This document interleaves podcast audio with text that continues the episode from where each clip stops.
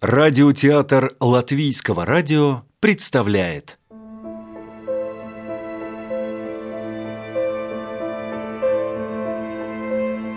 Валентина Ласмана. Ночь не только для сна.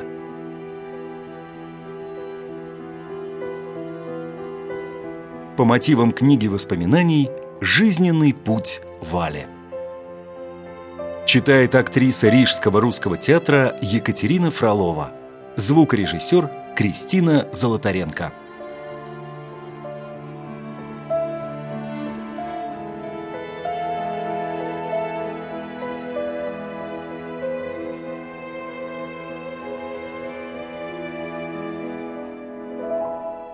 Малновская сельскохозяйственная школа, переведенная в Плявенец, была закрыта ранней весной – 1944 года.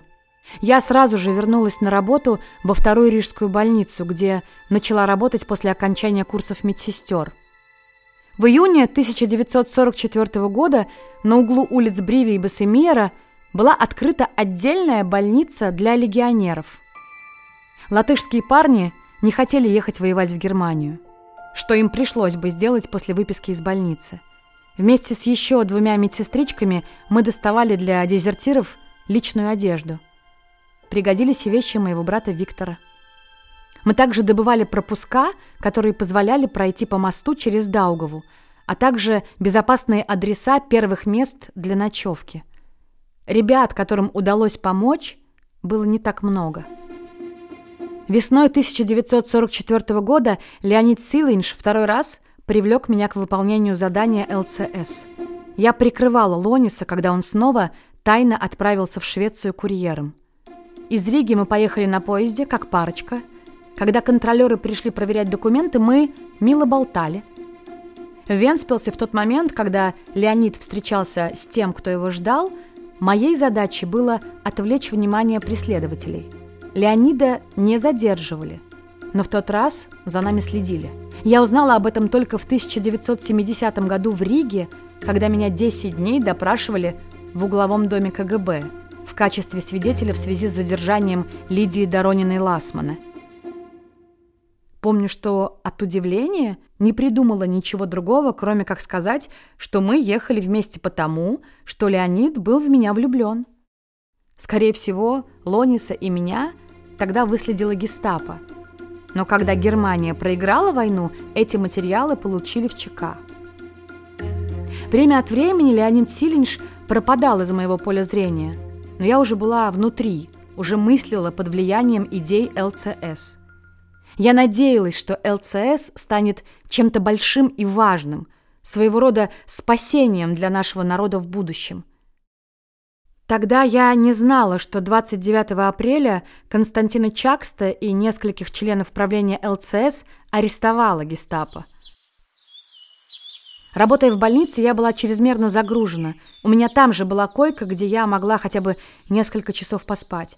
Однако изредка больница давала и выходные. Тогда я отправлялась домой в Задвинье на улицу Пастандес. Там жизнь текла спокойно.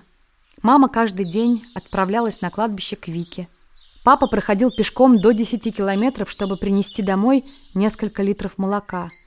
В саду каждый метр был засажен корнеплодами, которыми мама щедро делилась со всеми, кто приходил к ней в гости. Надо было полоть, поливать, работы хватало.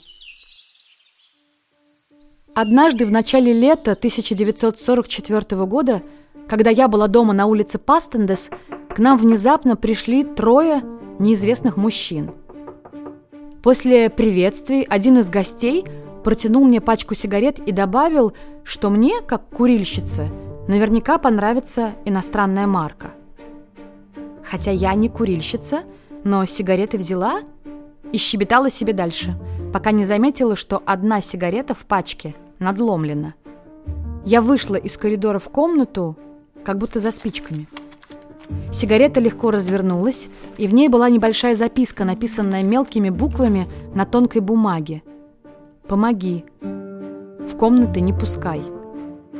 Подчерк я едва ли могла бы узнать из-за мелких букв, но писавший был со мной на «ты». Каким-то образом я поняла, что этим людям можно доверять. Я часто чему-то верю и действую интуитивно. Тут же без маски веселья я вернулась к господам и спросила, чем я могу помочь.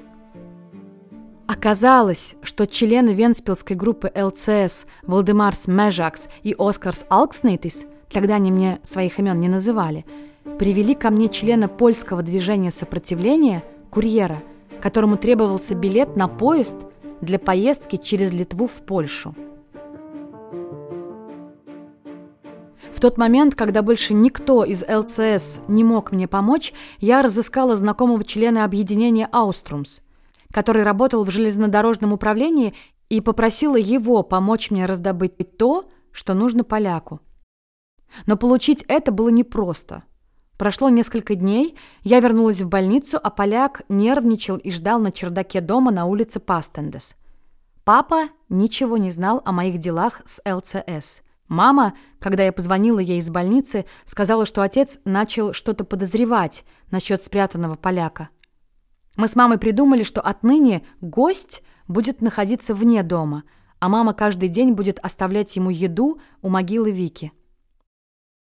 Внезапно нашлись давно забытые люди, которые, как выяснилось, могли быть полезны. Люди доверяли, не выспрашивая подробностей.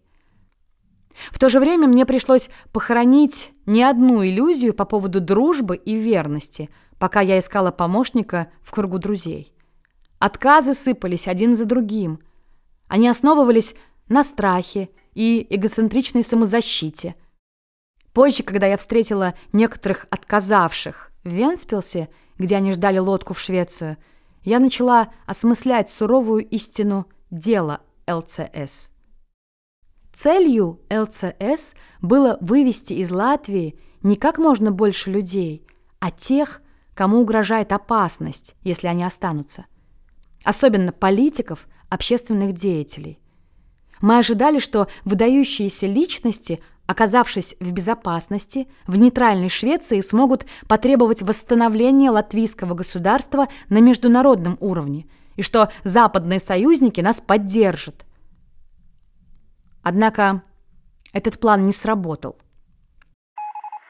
В сентябре 1944 года я получила указание от контактного лица встретиться с директором Национального исторического музея, участником латвийских боев за свободу Валдемарсом Гинтерсом, у которого в ЛЦС была кличка «Доктор».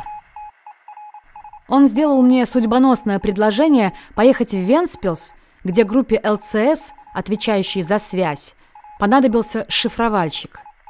Ответ Гинтерс ждал в течение одного дня. Решение было трудным, но фронт надвигался. Неожиданно, как гром среди ясного неба, пала Елгава. Казалось, что скоро фронт разделит Ригу по Даугаве. Я спросила старшую медсестру в больнице для легионеров, что будет с нашей больницей. Она думала, что больницу отправят в Германию. Туда я ехать не хотела. Когда я открыла старшей сестре, что у меня может появиться неясный шанс поехать в Швецию, она согласилась, что так, возможно, будет даже лучше. Вечером я рассказала маме по телефону о предложении Гинтерса. Она сказала «Поезжай, тебе будет интересно». Мама добавила, что отцу о моем отъезде расскажет позже, сама.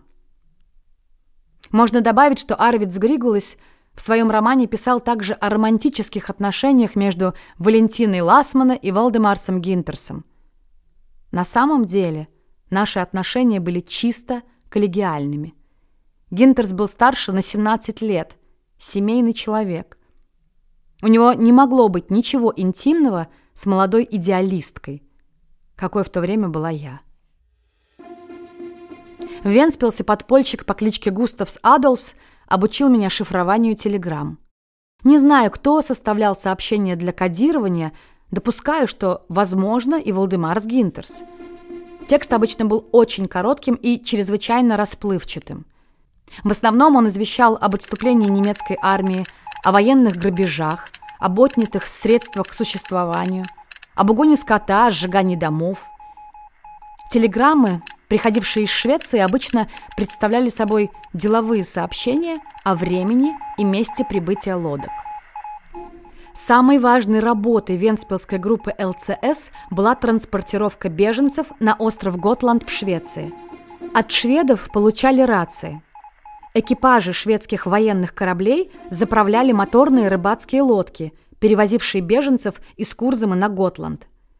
Чтобы отличить своих людей, которых поддерживал ЛЦС, от других беженцев – качестве опознавательного знака пробовали использовать открытки с видами Латвии, разрезанные на две части. Если в Венспилсе при проверке отъезжающего обе половинки открытки можно было сложить вместе, это означало, что владелец открытки свой.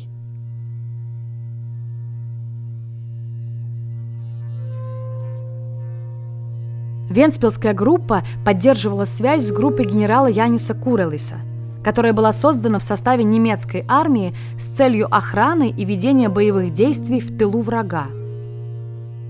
Общее количество бойцов Курелиса достигало 2-3 тысяч.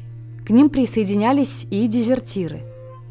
На самом деле люди Курелиса были настроены националистически и старались избегать столкновений с Красной армией. В сентябре 1944 года Отступив к поместью Анна Хитов-Стыклы, в Курзаме они ждали часа Икс, когда военно-политическая ситуация изменится, и они смогут выполнить приказ Латвийского Центрального Совета и защитить восстановленное латвийское государство. В мою квартиру в Венспилсе на улице Лауку 4 раз или два в неделю приходил то один, то другой бородатый мужчина, одетый в полувоенную форму и назвав пароль собирал новости. Информация об ожидаемых лодках людям Курлиса была не нужна, потому что они думали остаться на родине. О людях Курлиса ходили всевозможные слухи, как об их численности, так и о морали. Однако в целом их поминали добрым словом. Они олицетворяли ту оптимистическую веру, которая жила как в беженцах, так и в тех, кто оставался – в октябре Венспилская группа получила известие о том, что генерала Куролиса вызвал к себе сам Фридрих Эккельн, шеф СС и всей полиции Остланда. Новость Венспилской группе показалась тревожным звоночком. Для получения более подробной информации Венспилская группа решила, что мне следует поехать в Стиклы и предложить штабу Куролиса эвакуироваться в Швецию. Ранним утром 11 ноября мы вместе с полковником Альбертом выехали из Венспилса на машине. Дорога шла лесом, ухабистая, раскисшая от дождя, трясло до тошноты, но около полудня мы въехали в поместье Аннахите, где располагался штаб Курелиса. Приближаясь к поместью, в кустах вдоль дороги мы заметили мужчин в немецкой форме.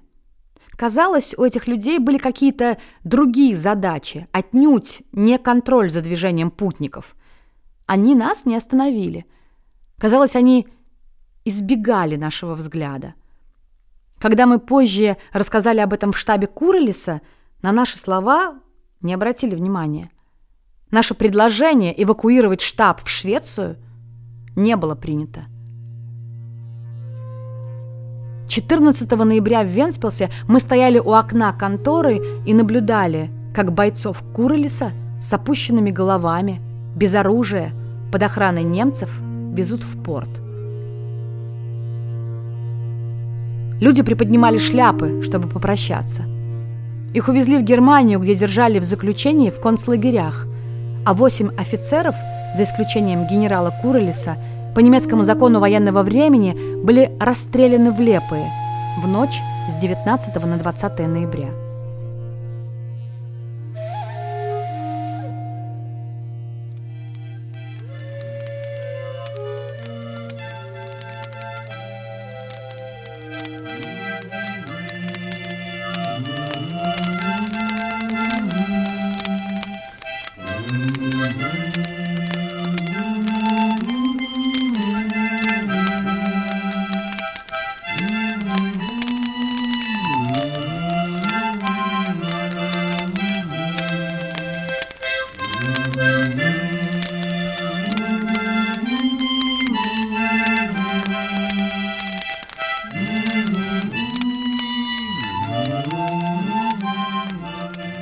Следует добавить про отряд лейтенанта Роберта Рубениса, который также входил в состав бойцов Курелиса и тогда находился в 18 километров от Стиклы и отказался выполнить приказ немцев сложить оружие.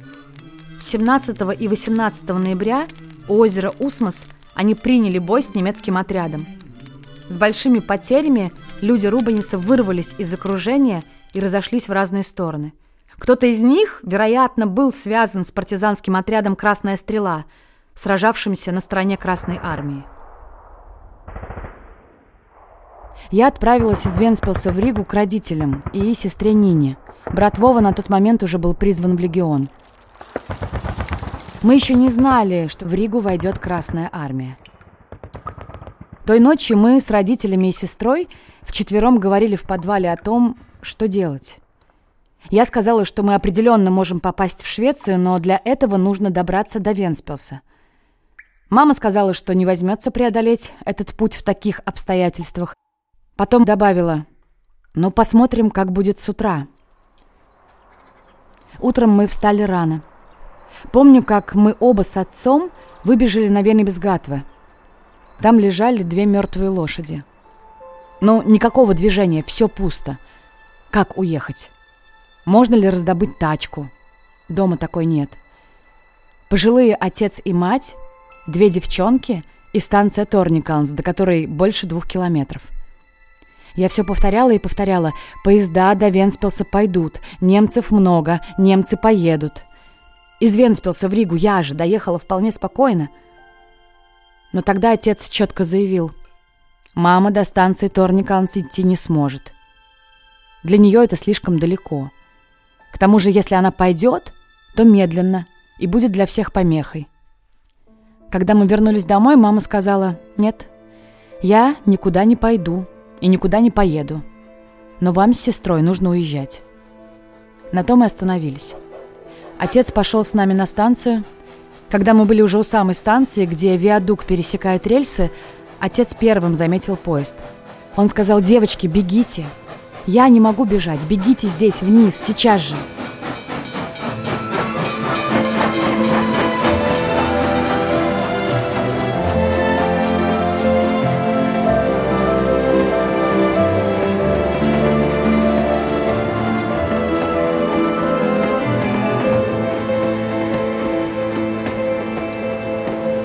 Поезд, проезжая станцию, только притормозил и не остановился.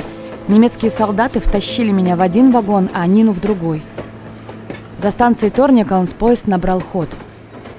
По дороге поезд обстреляли, он остановился. Все прыгали в канавы. Потом мы пересели еще на какой-то поезд. Кругом только солдаты и две молодые дамы. Кажется, в начале ноября из Швеции пришла радиограмма «Привезите жида». При расшифровке сообщения мне показалось, что произошла какая-то ошибка. Доктор также допустил, что наши сообщения были перехвачены немцами, которые теперь отправили фальшивое задание. Поэтому из соображений безопасности мы даже приостановили передачу на некоторое время. Казалось, что задание, содержавшееся в телеграмме «Привезите жида», невыполнимо – я вспомнила письмо, которое получила в октябре от моей подруги Олиты.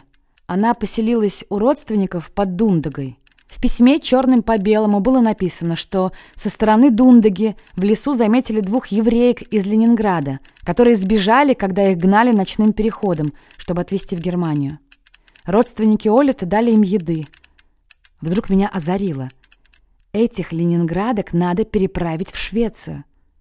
Когда я сказала об этом в конторе нашим мужчинам, это было все равно, что поднести огонь к пакле. Время от времени при разговоре мы приходили к мысли о том, что может значить на Западе еврей, который как свидетель рассказал бы об ужасных деяниях оккупантов в Латвии. Я ведь работала в лето и понимала, что такое сообщение может означать для всего мира. Возможно, даже Американский фонд помощи военным беженцам – предоставил бы ЛЦС средства, которые нам так нужны для организации транспорта для беженцев. Мужчины придвинулись поближе друг к другу и начали думать. Все дороги от Венспилса до Дундаги для гражданских были перекрыты. Тогда у нас возник план. Водитель должен быть в форме СС, а машина должна быть с военными документами. Меня, машинистку особого назначения, отвезут в Дундагу для выполнения особого военного задания. Не прошло и недели, как все уже было организовано. Необходимую форму СС нам удалось одолжить на одни сутки.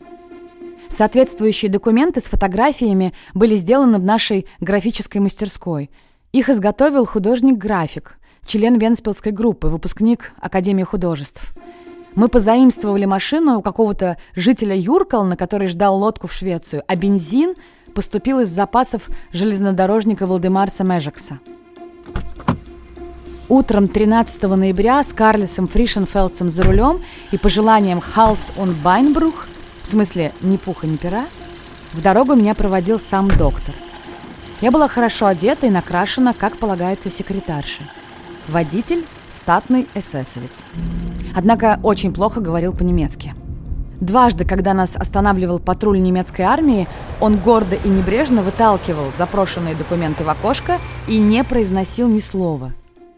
В карауле стоял вермахт, регулярной части немецкой армии, которые должны были с уважением относиться к форме СС, и действительно, какой-то парнишка часовой даже отдал нам честь. Около полудня мы въехали во двор дома родственников Олиты. Когда эсэсовец-шофер вышел из машины, домочадцы исчезли со двора. Хорошо, что Олита была дома. Она успокоила всех, объяснив, что мы латыши. Времени было мало, я не стала ходить вокруг да около, сразу спросила о еврейках из Ленинграда. Мы узнали, что ехали зря. Ленинградок давно не было видно. Несколько недель назад немцы всерьез прочесали лес. Чего-то подобного нам следовало ожидать. И все-таки, как же мы теперь сдадимся? Мы, Венспилская группа, к такому не привыкли. Что-то надо придумать. Решили, что все же мы с Олитой пойдем и осмотрим те места, где видели евреек. Сынишка хозяина бежал впереди и показывал тайники. Ничего. Мы отпустили мальчика домой и остались вдвоем. Мы давно не виделись, и нам было о чем поговорить. Я посоветовала Олите поехать с нами в Венспилс, а потом, если понадобится, переехать в Швецию. Я сказала, что нашей группе пригодилась бы надежная женщина, потому что иначе я там одна, в этой стае мужчин. Гуляя и разговаривая, мы собирались дойти до соседнего села, которое находилось на пару километров дальше. Может, там кто-нибудь видел ленинградских евреек. Осенний день уже начал угасать. Конечно, нам, незнакомым молодым женщинам, никто из жителей села о беглых еврейках ничего не сказал. Кто же скажет такое чужакам? Надо было возвращаться. Вдруг я заметила на склоне холма какое-то движение. Стоял туман, но перед нами, словно призрак, двигалась тень. Все ближе и ближе, пока не стали видны очертания человека — не знаю, что со мной произошло в тот момент. Я помчалась со всех ног вниз по холму к этому явлению. Через несколько секунд я была на месте, и передо мной стоял еврей. Живой, с типичным носом. Какое-то мгновение мы оба глупо таращились друг на друга. Инстинктивно я заговорила с ним по-русски. Почему? Может, потому что в глубине сознания ждала встречи с российской еврейкой? Но это был мужчина неопределенного возраста. Однако, похоже, русский язык, которым я неосознанно воспользовалась, в этой ситуации оказался лучшим вариантом. Для мужчины такое обращение оказалось неожиданным, и он был сбит с толку. Это дало мне возможность схватить его за руку. Она была холодной, неприятно безвольной, но я, словно умоляя, сжала ее в пальцах. Наш диалог подошел бы для психологического исследования. Какая же огромная духовная энергия скрыта в человеке. Она заставляет говорить слова, о которых мгновением раньше мы и не думали. Кажется, даже в сознании этих слов не было. Как во сне предложения складывались без каких-либо усилий, и они изливались из меня сами по себе, как если бы их составил кто-то другой, а не я. В последующие годы у меня было довольно много времени, чтобы мысленно снова проиграть и проанализировать свой первый разговор с Израилем Михельсоном, бывшим лесопромышленником из Венспилса. Могу только констатировать, что все мои вопросы и ответы были выбраны очень целенаправленно и верно. Я говорила Михельсону именно то, что убедило его последовать за мной. Я сказала, «Пойдемте со мной, я доставлю вас в Швецию». «В Швецию? Нет». «Да, в Швецию на одной лодке со мной». «На лодке? Отсюда? Здесь лес». «Машина стоит в селе. Мы сейчас же поедем на берег, где ждет лодка». «Почему?» «За вас я в Швеции получу деньги». «Деньги вы получите здесь, от немцев». «Немцы проиграют войну, но в Курзаме еще будут бои. Я хочу уехать, мне нужны деньги за границей. За вас мне заплатят». Должна признаться, аргументы насчет денег были продиктованы разумом. Я рассуждала так. Евреи – дельцы. Мне нужно обосновать свою потребность примитивно и по-деловому. Нечего рассказывать о патриотической организации, о спасении людей от опасности войны. И это сработало. Но потом Михельсон спросил, «Как я могу поверить, что вы говорите правду?» «Как?» Я замешкалась. Действительно, ну как мне это доказать? Ему из леса – Ему, кого много лет преследовали, кого люди унижали и мучили. Есть ли у него еще хоть капля доверия к людям? И опять пришли слова, словно продиктованные из давнего прошлого. «Даю вам честное слово женщины, что говорю правду. Я хочу доставить вас в Швецию. Все готово. Вы должны пойти со мной». Я стояла перед ним такая же бедная, как он, такая же уязвимая. Мне нечем было доказать свою правдивость, кроме честности. И если в нем еще жил человек, он должен был это почувствовать. Вопреки всему, что произошло с евреями и с ним самим, Израиль Михельсон все еще был человеком. Он сделал шаг ко мне, и мы пошли. Когда во дворе дома Михельсон увидел Карлиса Фришенфелдса, одетого в форму СС, он снова запаниковал – но через мгновение Карлис принес ему одежду, чтобы переодеться. Тут же у машины мы одели Михельсона и поехали.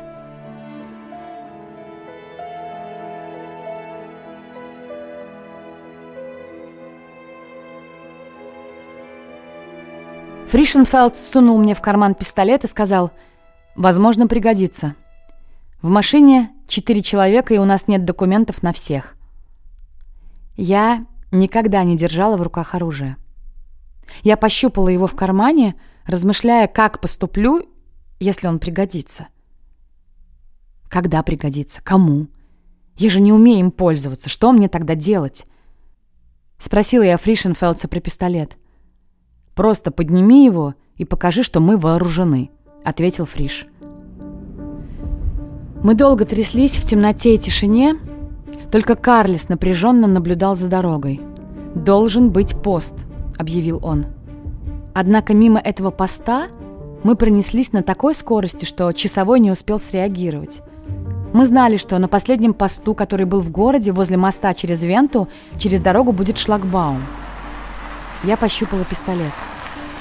В темноте нельзя будет показать документы в окошко. Здесь предполагаются разъяснения — Выдержат ли нервы еврея? Думала я. Потому что Фришенфелдс велел ему притвориться спящим. К шлагбауму подбежали двое мужчин с фонарями. Наш эсэсовец выскочил из машины и, не закрывая за собой дверь, бросился к ним. Карлис показал бумаги, что-то сказал. О боже, немецкий язык Карлиса. Жестикулировал, но часовые все равно пошли к машине. Сейчас посветит в салон и увидит нос Михельсона? Но тут Карлис в мгновение ока снова оказался за рулем, рывком сманеврировал вокруг заграждения и едва не переехал немцев. Не успели они опомниться, как мы уже промчались мимо. В машину стреляли, но мы прижались к полу и так тряслись по колдобинам, И вдруг снова покатились по ровному. Мост. Мы были спасены.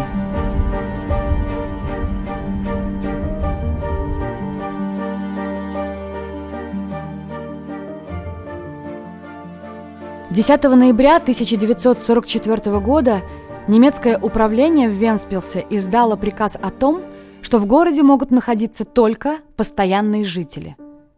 Такой приказ основательно очистил город. Людей, не имевших прописки в Венспилсе, ловили и, вероятно, отправляли в Германию. Мне тоже однажды довелось убегать от патруля и прятаться в подвале дома.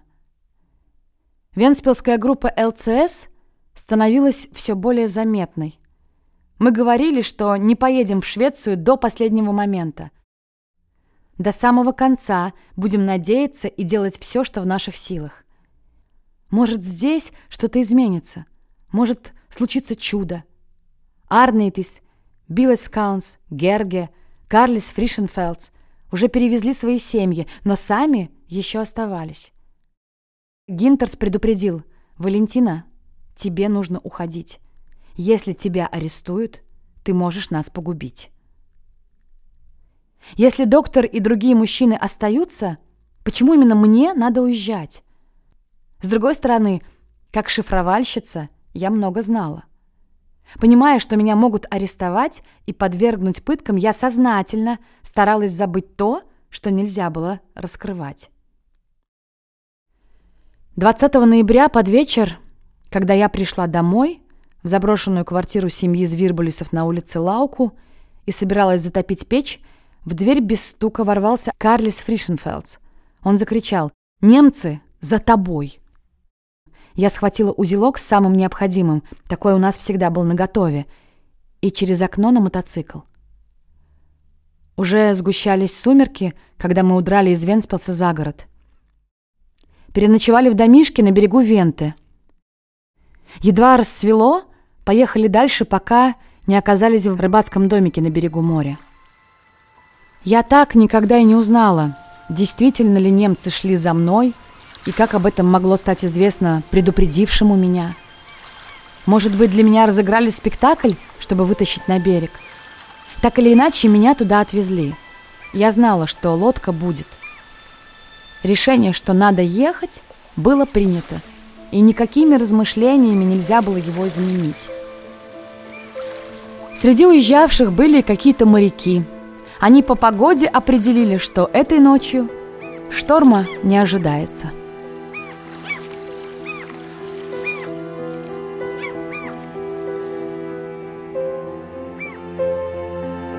Ночь не только для сна. По мотивам книги воспоминаний Валентины Ласмана «Жизненный путь Вали». Читала Екатерина Фролова. Звукорежиссер Кристина Золотаренко. Составители текста Гайтес Грутупс и Мара Зирнете. Перевод Лина Овчинникова. Продолжение слушайте завтра в 19.15.